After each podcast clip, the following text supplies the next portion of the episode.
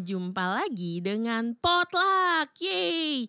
Ini adalah episode Potluck yang ke-12. Sudah satu lusin kita bersama. Terima kasih yang sudah mendengarkan kita dari episode 1 sampai episode 12 ini. Dan di hari ini kita akan menutup rangkaian yang sudah kita bicarakan tentang keuangan dari beberapa minggu kemarin sampai puncaknya di hari ini. Oleh sebab itu, kita akan memperkenalkan seorang narasumber yang luar biasa, spektakuler, fantastis, bombastis di seluruh negeri. Rumahnya yang silakan memperkenalkan diri sendiri. ya, Rudi. Oke, dengan Kak Rudi di sini Uh, Kak Rudi kalau boleh tahu nih berprofesi sebagai apa, profilnya bagaimana, hobinya apa, nomor sepatunya berapa?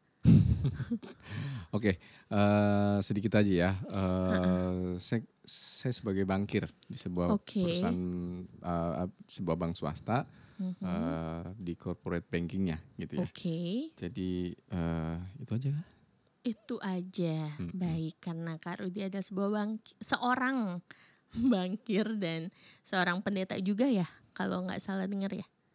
Hmm. Nah, jadinya kita hari ini mau ngomongin soal firman Tuhan. Oke. Okay. Gitu. Jadi kan uh, dari yang pertama kali episode tentang keuangan ini gitu kita udah hmm. ngomongin tuh yang kerja biar kaya boleh nggak uh, apa uh. enggak gitu nyari duitnya gimana. Yeah. Terus kita juga udah ngomongin uh, cara mengatur keuangan yang baik itu seperti apa, piramidanya hmm. bagaimana, hmm. dan yang terakhir kita juga ngomongin investasi gitu wow. yang uh, itu pasti keren-keren semua itu ya. Ah, banget gitu. Jadi uh, nah yang terakhir ini kita mau ngomongin keuangan dari sudut pandang firman Tuhannya nih Kak. Gimana? Ada nggak sih ayat-ayat uh, di Alkitab gitu yang berbicara tentang keuangan gitu loh? Iya sebenarnya uh, semua sih udah udah dituliskan ya. Mm-mm. Tuhan Yesus sendiri udah ngajarin juga ke kita gitu ya. Uh, sebenarnya di sini saya mau bagikan ada beberapa prinsip uh, tentang managing uh, fund gitu ya, mm-hmm. memanage keuangan itu seperti apa gitu ya, dari sisi kebenaran firman Tuhan juga dan uh, mungkin saya akan bagi apa namanya uh, bagi ke dalam kedua dua hal yang berbeda gitu dari sisi okay. firman lalu kemudian aplikatif dalam kehidupan kita sehari-hari seperti okay. apa gitu ya. Nah, uh, prinsip yang pertama yang yang ini sekali lagi ini uh, hasil dari pewahyuan saya sendiri. Perenungan, sorry pewahyuan lagi. Perenungan saya sendiri gitu ya. Tuhan yang memberikan pewahyuan gitu ya. Oke. Okay. Jadi nah ini ini bukan sifatnya uh, doktrin ya gitu okay. ya. Tetapi ini perenungan saya sendiri dan kemudian saya mau share uh, malam hari ini siang hari ini dan pagi hari ini. ya tergantung kapan dengerinnya ya. Oke, okay. uh, eh, prinsip yang pertama tentu bicara tentang value over price. Value over price, oke. Okay. Uh, uh, kita buka deh di Markus 12 ayat 41 sampai 44 ya. Kalau di situ teman-teman tahu ya bahwa uh, cerita tentang persembahan seorang janda miskin, benar ya? Iya, betul. Lalu kemudian di situ uh, di ayat 43 Tuhan Yesus bilang gini, maka dipanggilnya murid-muridnya dan berkata kepada mereka, Aku berkata kepadamu, sesungguhnya janda miskin ini memberi lebih banyak daripada semua orang yang memasukkan uang ke dalam peti persembahan. Sebab mereka semua memberi dari kelimpahannya, tetapi janda ini memberi dari kekurangannya. Semua yang ada padanya yaitu seluruh nafkahnya. Oke, jadi cerita awalnya nih jadi kayak ada orang yang mau kasih persembahan gitu ya. Betul. Ha-ha, terus ada yang orang-orang berduit gitu, orang-orang hmm. Farisi gitu yang ngasih uangnya tuh dengan sombongnya yang kelihatan gitu yang uh, dengan sombong lah gitu ya. Dikebas-kebas gitu uangnya biar semua orang ngelihat kalau dia tuh ngasih banyak. Dan ada satu janda yang Uh, dengan diam-diam. Dengan diam-diam karena tapi kedengeran dia, juga iya, karena logam gitu iya, ya. karena dia nggak punya uang gitu hmm, malu hmm. gitu dia kasihnya diam-diam biar nggak ada orang lihat tapi kedengeran karena yeah. logam dia cering gitu ya. Yeah. Kotak berarti itunya ya. Uh, jadi saya ngelihatnya gini loh bahwa betapa Tuhan menghargai nilai. Oke. Okay. Dibandingkan dengan jumlah. Jumlah uh-huh. gitu ya. Dengan quantity. Uh-huh. Tuhan lebih menghargai nilai. Nah, uh, mungkin bisa saya sampaikan seperti ini. Dulu ya dalam dalam cerita di tahun 2008 2009 di mana itu kan ada resesi juga ya di tahun itu Iya, ya. iya betul. Nah, eh, satu negara namanya Zimbabwe nilai mata uangnya drop banget gitu ya. Mhm. Jadi eh, satu US-nya mau tahu berapa? Berapa tuh? Satu USD eh apa namanya nilainya di mata uang mereka. Kalau kita kan sekarang 14.600, 14, eh, 14.600 Mhm. turun naik turun naik segitu kan ya. Kalau mereka 35 kuadrilion. Lebih dari triliun. Yes. Oh. Nolnya berapa tuh Nolnya kira-kira? berarti ada 12 Iya. tambah banyak 3. ya, 15 ya. Eh berapa sih? Ya oke. Mm-mm. Nolnya banyak. kuadrilion ya gitu ya. Mhm. Jadi eh bisa ngebayangin gak sih? Bahkan mereka punya pecahan eh, pecahan itu kalau nggak salah satu juta atau satu miliar gitu ya. Satu Selembar. lembarnya Heeh. begitu. Jadi eh betapa tidak ada harganya itu Mhm. uang gitu ya. Mm-mm. Nah jadi eh, eh, ini yang saya juga mau bicara gitu bahwa dalam aplikasi kehidupan kita eh, value of money juga penting. Oke. Uang kamu yang sekarang 100 ribu nih, Mhm. mungkin lima tahun lagi atau 10 tahun lagi itu eh, ya jadi receh lah. Ingat gak sih dulu kita masih ada Jigo? Eh, enggak tahu Jigo sih. itu 25 gitu kan. Oh, enggak pernah sih. Dulu aku. masih bisa dapat permen. Oh. Ah, gocap, gocap. eng- Enggak juga ya.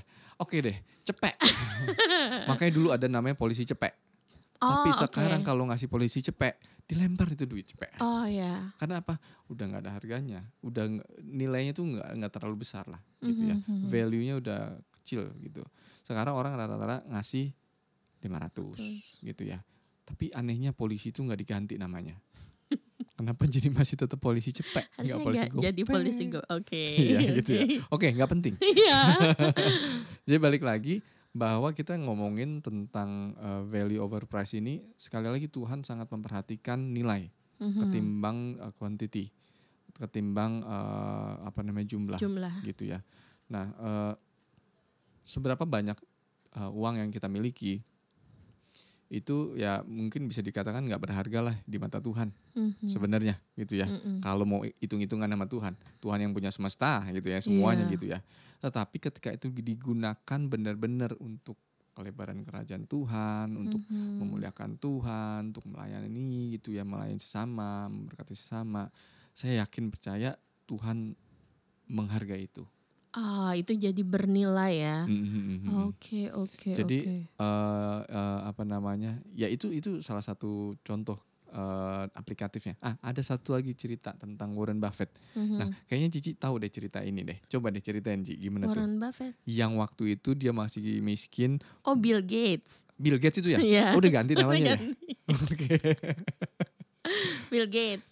Ah iya, jadi waktu itu saya pernah dengar cerita eh, Bill Gates itu waktu masih miskin eh, dia ke New York gitu, terus dia sampai nggak punya uang buat beli koran gitu. Akhirnya dia dika- eh, karena dia ngeliatin tuh loper korannya, akhirnya dikasih lah tuh sama si newsboynya itu Ah, tukang korannya Hmm. secara gratis gitu. Bill Gates bilang tapi saya nggak punya uang, ya udah nggak apa-apa. Hmm. Terus beberapa bulan kemudian Bill Gates mau baca koran lagi, jadi dia datang ke situ lagi, tapi dia masih nggak punya uang nih. Iya. Dan dia eh, dikasih lagi sama loper korannya itu gitu. Terus kata Bill Gates loh nanti kamu rugi dong kalau saya dikasih gratis terus gitu.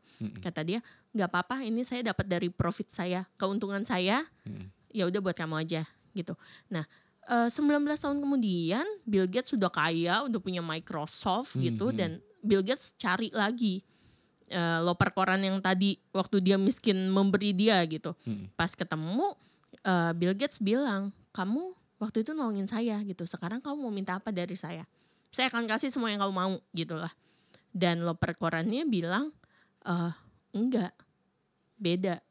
Kenapa? Karena eh, dulu waktu saya kasih kamu, saya memberi saat saya masih miskin. Iya, Sekarang kamu memberi saya karena kamu udah kaya. betul. Jadi pemberian saya dan pemberian kamu nggak bisa dibandingin. Nilainya beda. Nilainya beda. Nah, Karena oke. Tetap lebih tinggi nilai yang loper koran ini kasih. Walaupun secara jumlah Hmm. yang Bill Gates kasih mungkin akan bisa lebih banyak. Betul. Seperti itu. That's right. Nah, sekarang gimana menyiasati contohnya ya? eh tadi yang saya bilang value of money yang makin tak makin tahun mungkin makin menurun nih. Menurun. Nah, heeh. gimana menyiasatinya? Nah, eh, salah satu caranya adalah contoh uang 100 ribu yang kita punya sekarang, kalau kita keep aja simpen di bawah bantal, Mm-mm. ya itu hanya akan menjadi 100 ribu dengan amount yang sama, jumlah yang sama, tetapi value-nya udah jauh berkurang. Mhm. Beda halnya dengan kalau 100 ribu itu either kita tabung atau kita investasikan. Oh, oke. Artinya dia berproduksi tuh. Iya.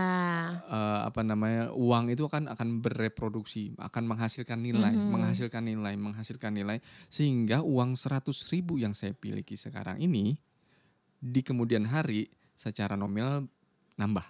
Oke. Mungkin saat itu contoh lah 100 ribu sekarang itu eh, 10 tahun kemudian sama dengan 150 ribu. Nah jadi saya udah dapetin angka 150 ribu itu di 10 tahun yang akan datang itu. Oh, oke. Value saya nggak turun. Oke. Secara amountnya, secara jumlahnya saya naik, tapi Ah. value saya juga nggak turun gitu. Jadi dalam aplikasi memanage keuangan itu yang harus kita lakukan. Itulah pentingnya investasi tadi. Investasi atau nabung, Menabung. gitu ya. Eh, Nabung kan dapat berapa persen ya investasinya sekarang kan lagi rame-rame juga orang yang invest di saham dan segala Hmm. macamnya gitu ya. Ya tetap harus eh, prinsip kehati-hatian ya dalam dalam Hmm. memilih dan dalam memilah dan lain-lain gitu ya. Jadi prinsip pertama bahwa memang Alkitab Tuhan Yesus juga ngajarin Tuhan Yesus kasih hikmat lah buat kita untuk ngelola keuangan. Mhm. Tuhan Yesus ngelihat yang namanya value over price gitu ya. Oke. Jadi eh, nilai di atas jumlah, di atas quantity ya. Nah, hal yang kedua nih yang saya yang saya dapetin bicara tentang giving over receiving Oke. gitu ya. Itu kalau kita baca di kisah Rasul 20 ceritanya tentang eh, siapa tuh namanya Paulus ya. Mhm. Paulus itu kan eh, dulunya dia ahli kitab lah ya. Dia orang yang ya seorang Farisi juga gitu ya, ahli kitab. Eh, dia tahulah semua apa namanya tentang kitab-kitab itu. Karena dia berpengetahuan. Tapi sampai dengan akhirnya ditangkap Tuhan. Oke. Namanya Saulus berubah jadi Paulus, Paulus. gitu. Nah, eh, dengan demikian akhirnya dia dengan apa namanya eh, berapi-apinya melayani Tuhan, mengabarkan Injil, mengabarkan tentang Kristus gitu kan ya, sehingga banyak orang yang bertobat dan segala macamnya. Tetapi kemudian kan dia harus memikirkan nih bagaimana penghidupannya. Iya betul. Nah, nah kala itu memang bisa dikatakan bahwa dia nggak bu- bukan orang yang berada. Mhm. Dia dia bisa dibilang miskin.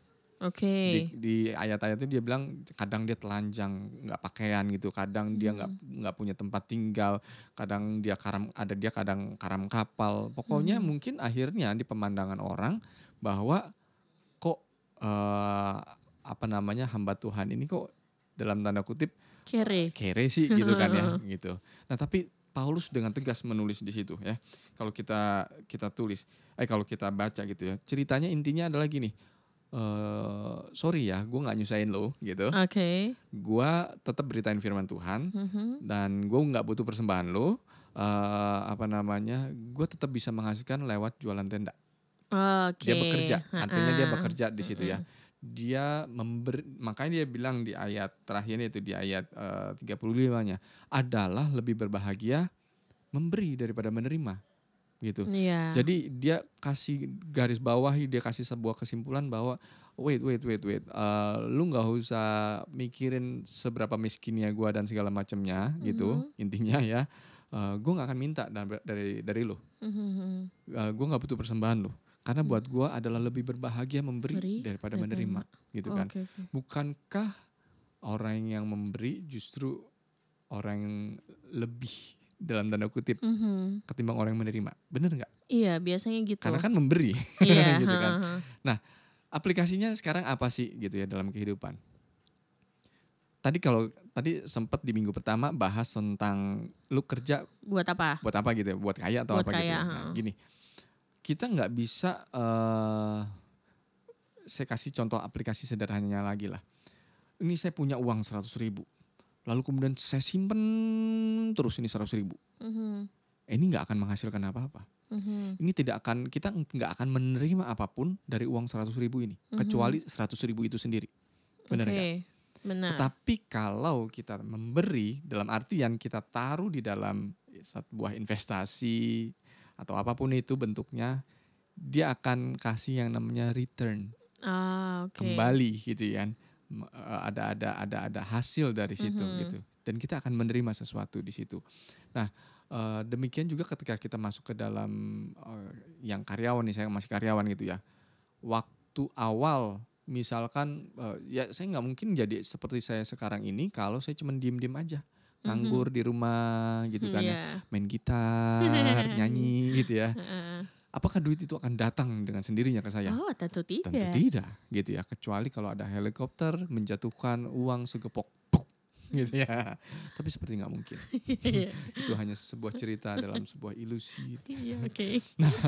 Eh, saya harus bekerja nah Ya. ketika bekerja itu sebenarnya saya sedang memberi jasa saya Aha. saya punya jasa Mhm. Eh, yang mempekerjakan saya punya uang Iya, betul. benar kan Mhm. saya memberikan jasa saya lalu kemudian saya mendapatkan imbal baliknya berupa uang Gaji. gajian setiap bulan Mhm. Nah dari situ saya manfaatkan, saya nabung, saya apa, saya beli apa, saya beli apa untuk kebutuhan dan segala macamnya gitu kan ya. Sampai akhirnya saya bisa menghidupi diri saya sendiri bersama dengan keluarga sampai dengan sekarang ini. Jadi eh, adalah lebih berbahagia memberi, Memberi. daripada menerima. Jadi Oke. don't expect to receive something if you're not Giving, Giving anything. anything. Ah, oke. itu kata-kata itu saya baru muncul hari ini. oh, luar biasa. Luar biasa ya. Luar biasa. Eh, tapi kalau waktu kita memberi itu kita perlu berhikmat juga nggak sih? Eh, kayak misalnya gini, saya ingat seseorang gitu ya. Mm-mm. eh sebut saja namanya Mawar. Oke. Oke. Si- Mawarnya yang berduri. Ya, eh, enggak enggak Oke, enggak enggak sih, penting. ya. Jadi eh, orang ini dia tuh eh, karena baik hati gitu ya, suka memberi itu tadi, akhirnya sampai dia me- pemberiannya itu lebih dari uang bulanan yang dia terima dari suaminya Hmm, gitu, sampai hmm. akhirnya dia berhutang untuk Hmm. memberi seseorang gitu. Oke. Jadi sampai pas ketahuannya itu adalah suaminya kaget, ternyata dia ini banyak sekali utangnya buat apa ternyata utangnya itu ya buat ngasih-ngasih ke orang lain Hmm, gitu. Oke. Kayak gitu kan eh, sepertinya tidak berhikmat gitu ya. Gimana kalau Eh, menurut Jadi akhirnya rumah tangga jadi ribut sendiri Ya, gitu ya. Heeh, gitu gimana sih? Karena kelilit Heeh. utang, tapi Mm-mm. kemudian di depan mata orang, wah dia baik sekali. baik sekali Dia karena malaikat memberi. penyelamatku iya, gitu ya. heeh. Oke, saya pernah menghadapi satu si- situasi ya, eh, same story in different time gitu ya. Mhm. Satu waktu yang sama, eh satu kejadian yang mirip gitu ya, nggak nggak sama persis. Satu kejadian yang mirip di waktu yang berbeda dan tindakan saya pun berbeda. Oke. Jadi ada satu kali saya ketika eh, melihat eh, orang gitu terus digerakkan di dalam hati nih, aduh saya mau mau memberi nih gitu kan, Mhm. Eh, mau memberi sesuatu lah buat orang ini gitu kan. Eh, tanpa dia banyak cerita dan segala macamnya, saya kasih, Oh, oke. saya beri ke dia gitu kan, dan akhirnya dalam hati saya oke lega, Mhm. saya udah lakukan bagian saya. Tapi ada satu kali kat- eh, kali eh, even ya, even bahkan ketika saat itu ada orang ya dia bercerita dia, aduh gue lagi susah nih begini Mhm. begini begini begini. Dalam hati saya itu tidak ada sesuatu yang apa namanya yang menggerakkan untuk saya Oke. melakukan eh, pemberian. Eh, saya tidak lakukan itu. Tapi ap- kemudian pertanyaannya adalah, berarti lu nggak ngelakuin Kebaikan. kebenaran firman Tuhan Iya, dong gitu ya, nggak ngelakuin kebaikan lebih gitu kan. memberi. Nah gitu kan. Nanti orang akhirnya kemudian eh, diintimidasi dengan eh, kok lu nggak memberi sih Mhm, gitu kan. Kok mhm. lu nggak memberi sih seperti itu. Kan ada firman ya, ada lebih berbahagia dari memberi daripada menerima Menerima. gitu kan ya. Nah, eh, betul sekali kita perlu yang namanya hikmat. Hikmat itu berbicara. Hikmat itu berteriak-teriak bahkan gitu katanya gitu kan ya. Hikmat itu memanggil-manggil gitu kan ya. Mhm. eh artinya gini, eh Tuhan tuh bekerja eh di musim-musim yang berbeda. Tuhan Iya. Tuhan ada di setiap musim. Yes. Di musim satu Tuhan bekerja dengan caranya. Di Mhm. musim yang lain caranya Tuhan bekerja berbeda. Mhm. Benar ya? Mhm. Nah, yang saya maksudkan adalah seperti eh, apa namanya, eh, Ci, bahwa ketika Tuhan gerakin kita untuk memberi saat itu lakukan.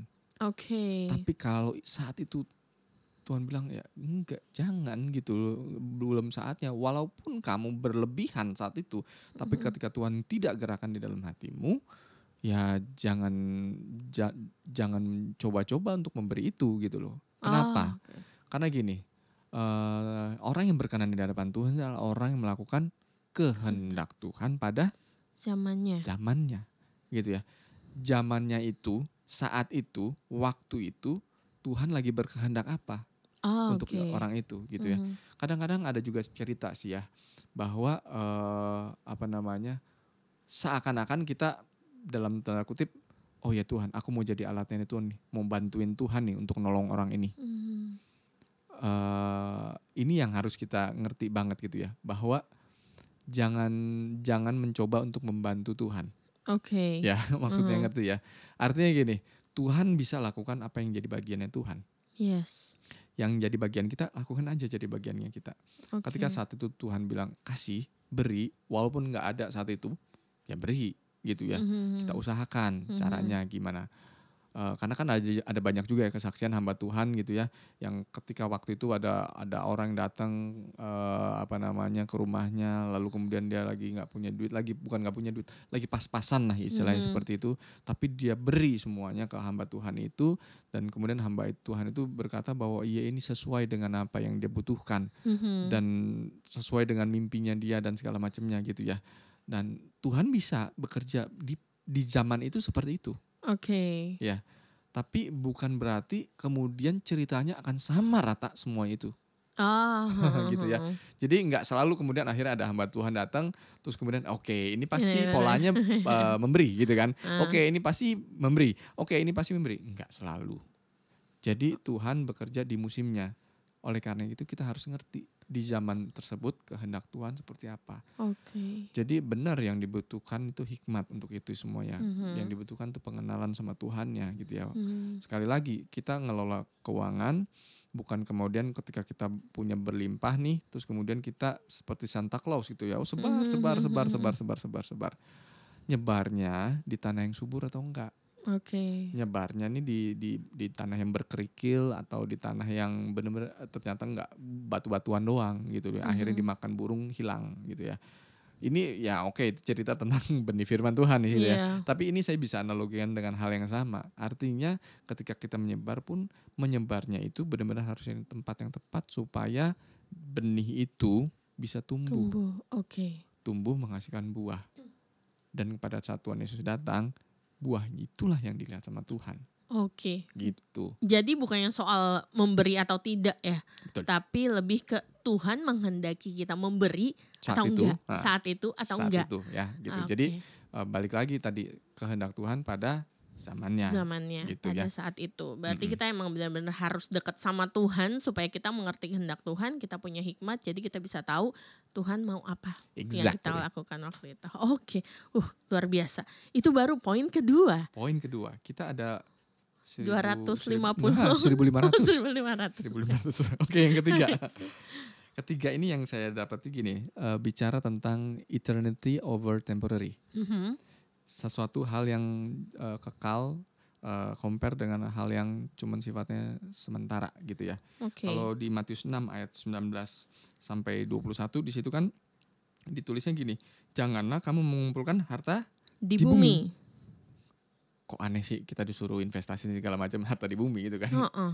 Nah, di bumi ngengat dan karat merusakkannya dan pencuri membongkar serta mencurinya. Tetapi kumpulkanlah bagimu harta di sorga. Di sorga ngengat dan karat tidak merusakkannya dan pencuri tidak membongkar serta mencurinya. Nah, konteks ayat ini nih lebih bicara tentang siapa sih harta itu atau Oke. apa sih harta itu Mhm. ya. Tapi lebih tepat ini adalah siapa sih harta itu? Harta Mhm. itu adalah Kristus itu sendiri. Yes. Jadi itu yang pertama kita harus kejar. Kita temukan dulu Kristus itu, gitu ya. Kita dapati Kristus itu dulu.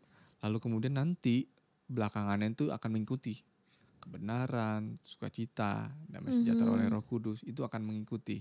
Nah, eh, bicara tentang apalagi bicara tentang berkat, tentang kelimpahan itu nanti pasti akan ngikutin gitu ya. Mhm. Ketika kita eh, apa namanya menangkap atau Sumbernya. menangkap sumbernya terlebih Mhm, dahulu nih, iya, yaitu. Kristusnya itu dulu gitu Mhm. ya. Nah jadi eh, kita cari yang kekalnya dulu, baru yang temporernya. Nah, dalam al aplikasi dalam kehidupan juga ya, uh, ini bisa kita kasih contoh-contohnya. Misalkan saya punya duit saat ini lima ratus ribu gitu ya. Lima ratus ribu bisa nih saya bikin, eh, saya beli atau satu juta deh. Oke. Okay. Satu juta nih. Oh, saya mau beli stick yang enak. Mm-hmm. Yang begitu saya potong, saya makan itu melting di mulut gitu ya. Oh apa namanya meleleh gitu ya Gak banyak sebut merek ya. Nah, meleleh di mulutnya gitu ya. Benar-benar uh, wah ini enak banget nih dagingnya itu wagyu yang luar biasa gitu ya. Mm-hmm. Nikmat sekali gitu ya. Tapi uh, uang itu satu juta itu very very temporer. Besok pagi iya. besok pagi udah mules kita. Iya, iya. Dan habis itu gone. Jadi uh, uh, itu very temporer gitu ya.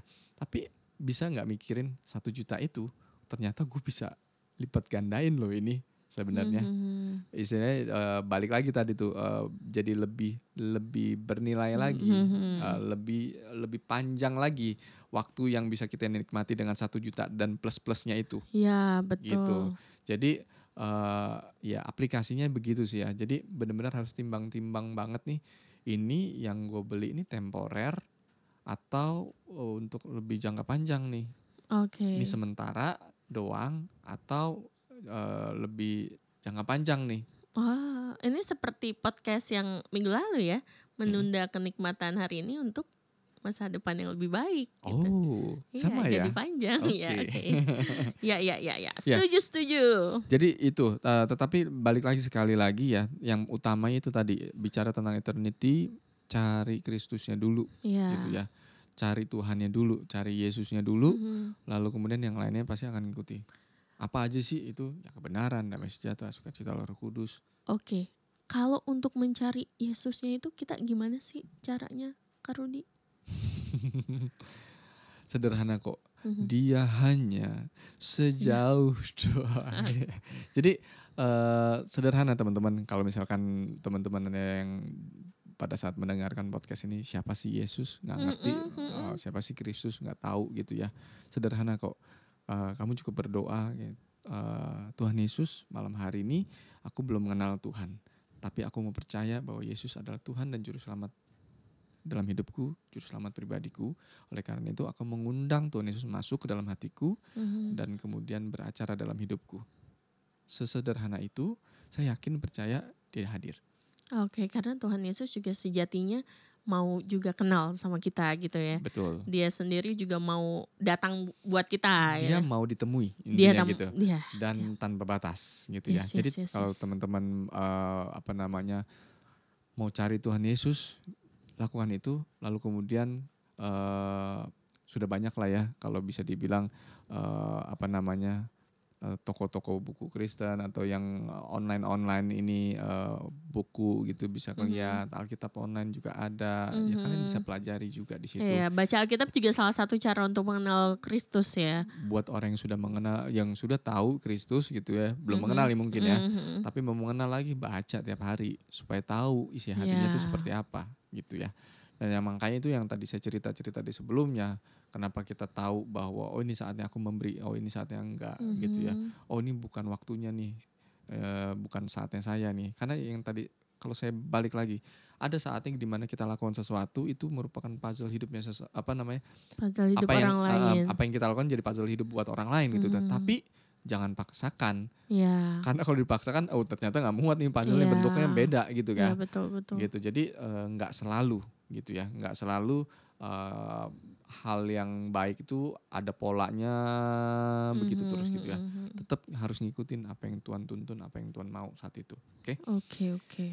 Itu. Nah, mungkin ini yang terakhir lah ya, oh. yang keempat karena Nggak jadi 1500. 1500 nanti kita bisa sampai uh, uh, uh, soundman udah ngeliatin saya. Tatapan matanya tajam sekali. 1500. Baru iya, tiga aja udah jadi jam segini gitu ya. Susah ngeditnya. ngeditnya kepanjangan pak. Okay. gitu kan. Oke, okay. yang keempat nih bicara essential over accessorial. Oke. Nah, kita buka di Matius 6 ayat 25. Di situ jelas Tuhan bilang ya. Karena itu aku berkata kepadamu jangan khawatir akan hidupmu, Mhm. akan apa yang hendak kamu pak- makan atau minum, dan janganlah khawatir pula akan tubuhmu, akan apa yang hendak kamu pakai. Bukankah hidup itu lebih penting daripada makanan dan Yes. tubuh itu lebih penting daripada pakaian? Mhm. Ini clear banget, sound and clear Ya. bahwa Tuhan tahu mana yang esensi, mana yang cuman aksesoris ya, gitu betul. ya. Jadi eh, Tuhan lebih mentingin pribadinya. Mhm. Tuhan lebih mentingin eh, sosoknya pribadi sekali lagi gitu ya. Mhm. Ketimbang eh, apa namanya eh, kehebohan-kehebohan Yang ini kelihatan di luar ya. kelihatannya Uh-uh. gimana gitu ya. Jadi eh, Tuhan lebih pentingin pribadi masing-masing pribadi kita seperti apa. Jadi jangan nggak bisa kita juga bersikap palsu di hadapan Tuhan, fake Iya. gitu ya. Karena Tuhan tahu Ya, Nah, betul, gitu ya. betul. kita mungkin bisa bisa palsu di depan teman kita gitu ya Mhm. nggak jadi orang yang apa namanya seada seadanya gitu yang asli yang utuh Mm-mm, gitu di di depan temen gitu ya tetapi eh, sekali lagi Tuhan tahu Karena Tuhan lihat hati. uh, esensinya kamu tuh seperti apa ya. gitu. nah ini yang perlu kita cari esensi kita. Kita bulan lalu kita sempat bicara tentang gambar diri ya. Iya. Nah itu yang kita juga perlu mengerti benar-benar bahwa oh ya gambar diriku ini udah udah benar belum? Udah pulih belum? Itu yang Mhm. esensi. Mm-mm. ketimbang cuman memalsukan identitas kita. Dengan beli baju branded misalnya gitu betul dengan betul. hedonisme. lebih ke situ ya. Tapi memang bicara tentang branded memang nggak selalu berarti orang yang beli branded eh apa namanya orang yang eh, apa Enggak, namanya enggak asli. nggak asli gitu Iya. ya nggak selalu gitu ya Ah. nggak selalu karena kadang-kadang bisa bicara juga tentang kualitas juga Oke. gitu ya bicara tentang kualitas oh ini memang kualitasnya lebih bagus lebih durable gitu ya lebih uh, long. Jangka last panjang. gitu ya Mhm. lebih jangka panjang ya justru bisa digunakan untuk itu juga Mhm. Nah, mungkin contoh aplikatifnya nih ya Mhm. sekarang kan lagi zamannya sepedahan nih Mm-mm. Ya. Eh, ada orang-orang yang di mana wah ini buat buat lagi hype-hype-nya ya nyari Mhm. sepeda yang harganya 70 jutaan, 100 jutaan gitu ya. Mm-mm. Dan can you imagine harga yang 35 dijual 70 dan kayak kacang goreng gitu ya. Iya, iya. Heeh, Laku banget. laku banget gitu ya. Mm-mm. Dan ada yang beli orang Indonesia Iya, gitu ya. heeh. Sampai orang am- sampai teman saya di di UK di mana apa namanya sepeda itu diproduksi Hmm. bilang orang Indonesia kaya-kaya banget ya. Di masa susah gini ya, buat beli sepeda aja. Heeh, gitu ya. Padahal sebenarnya kan gini, punya sepeda sebagus itu kalau nggak sepedahan Sia-sia. cuma gitu ya. Esensinya adalah sepedahannya, Heeh, Bukan- bukan, merek sepedanya. bukan merek sepedanya Yes, gitu kan, heeh. gitu.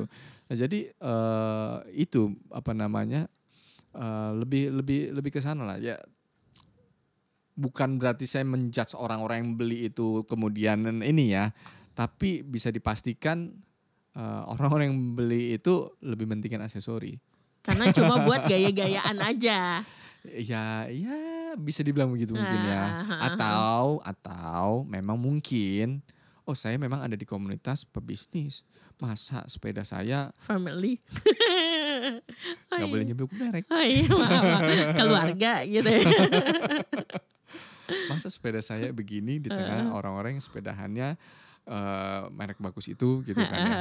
Eh, nggak mungkin dong gitu kan. Saya harus menyetarakan. Ada juga yang memang karena pertimbangan itu juga. Jadi lebih ke komunitasnya. Tapi eh, don't push yourself untuk eh, trying to get that things gitu ya yang akhirnya suffering yourself juga gitu. Oh iya iya, demi gayanya itu Mm, jadi, malah menyiksa diri gitu memaksakan pinjem sana Betul, sini yang betul. penting habis itu bisa update di Instagram. Betul. Nah, padahal kan sekali lagi balik lagi nih esensinya kan sepedahannya. Sepedahannya, bukan goesnya, fotonya ya. Bukan fotonya. Bisa Karena- juga bisa juga loh orang cuman beli sepeda, cuman buat foto Iya di karena Instagram. eh, sekarang kan lagi nge-hype banget ya pokoknya ya, kayak ya tiap sepedahan sih, tapi mungkin ke depan doang gitu. Terus Iya.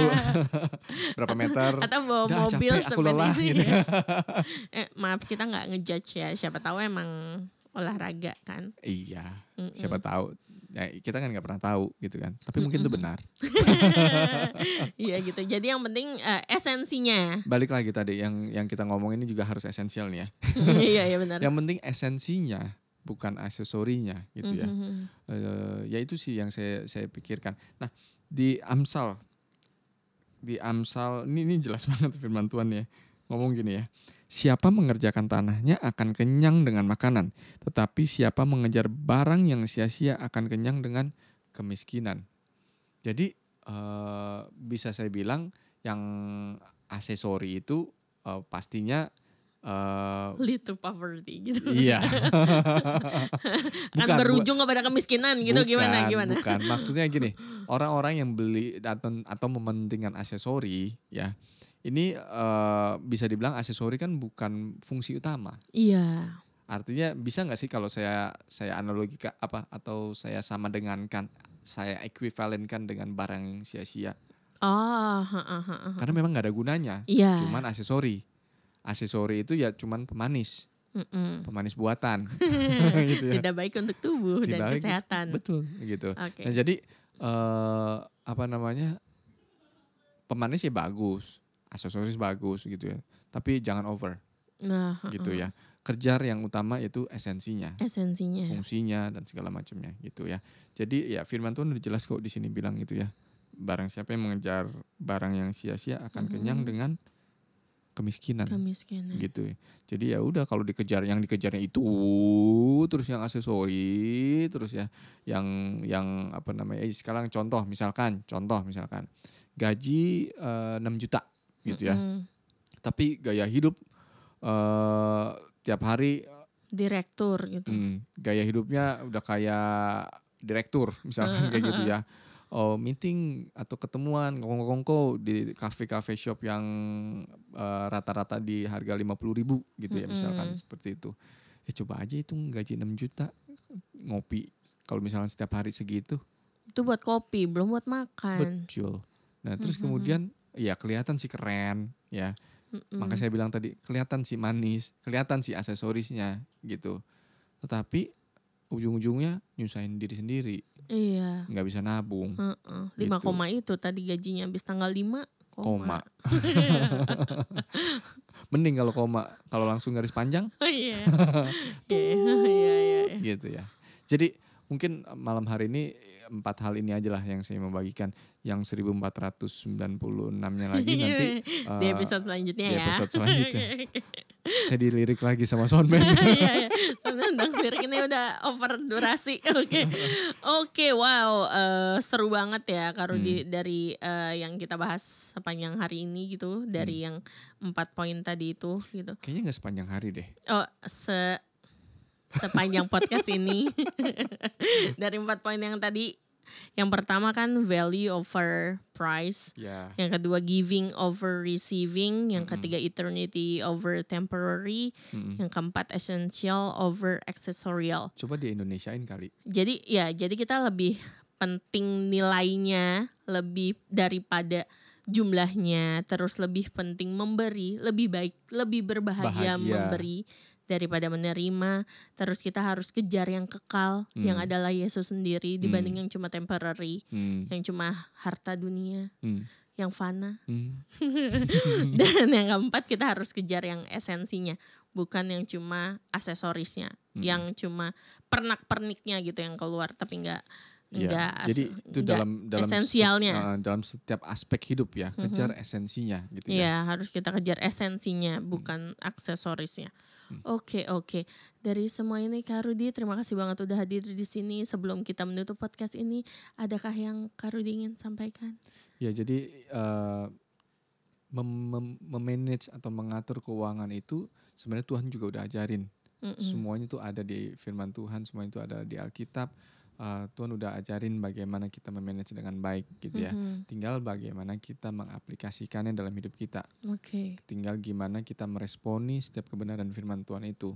Sebenarnya apakah Tuhan menciptakan orang miskin? Enggak, semua orang tuh diberkati Tuhan sebenarnya Yes. gitu ya. Cuman masalah pilihan tuh ada di kita. Oke. Kamu mau kutuk, kamu mau berkat, Pilih sendiri. pilih sendiri. Tapi Mhm. Tuhan kasih tahu, pilihlah Pilih. berkat, Iya. gitu kan. Kamu mau hidup atau mati? Tapi Tuhan bilang apa? Pilihlah Pilihlah hidup. Tuhan udah kasih keluhnya gitu. Mhm. Tinggal masalahnya adalah apakah kita punya kemauan untuk melakukan itu? Apakah kita punya apa namanya keinginan untuk melakukan itu? Itu sih. Oke, terlebih dari semuanya berarti kita harus benar-benar mengenal Tuhan sebagai sumber keuangan kita dan melakukan semua kehendaknya Hmm. dan melakukan apa yang benar sesuai dengan kebenaran firman Tuhan juga. Ya. Gitu ya. Gimana kita tahu firman Tuhannya? Baca Alkitabnya. Baca. Iya gitu. Oke. Thank you banget Kak Rudi buat Ya, hari ini thank you, dan thank you, thank you, eh, thank you. ini jadi penutup podcast kita tentang keuangan gitu ya. Hmm. Kalau eh, kita udah ngomongin dari awal kita kerja ya iya memang kalau mau dapat uang ya harus kerja. Kerja. Karena kalau males ya lihat aja semut-semut aja kerja buat dapat makan kayak gitu Hmm. ya. Gitu dan gimana kita kelola, gimana kita harus berinvestasi dan terakhir ditutup dengan firman Tuhan yang begitu luar biasa hari ini. Hmm. Jadi eh, semoga teman-teman yang dengerin juga bisa mengerti dan mengaplikasikannya dalam hidup kita semua gitu untuk Ya. menjadi lebih baik lagi tentunya dan semoga ya Yes. semua ini bermanfaat buat teman-teman yang dengerin juga gitu. Amin. Jadi terbuka pemikirannya gitu dan Hmm. eh, tetap lakukan kebenaran gitu ya. Tetap Oke. lakukan firman Tuhan. Makasih banget loh Kak Rudi Ya, buat waktunya. Terima Yuk. kasih juga semua yang udah dengerin kita dari awal sampai selesainya gitu. Dan minggu depan kita akan ngomongin hal baru yang juga nggak kalah serunya gitu. Jadi tungguin potluck kita minggu depan. Sampai jumpa. Bye bye. Tuhan Yesus memberkati. Bye bye. God bless.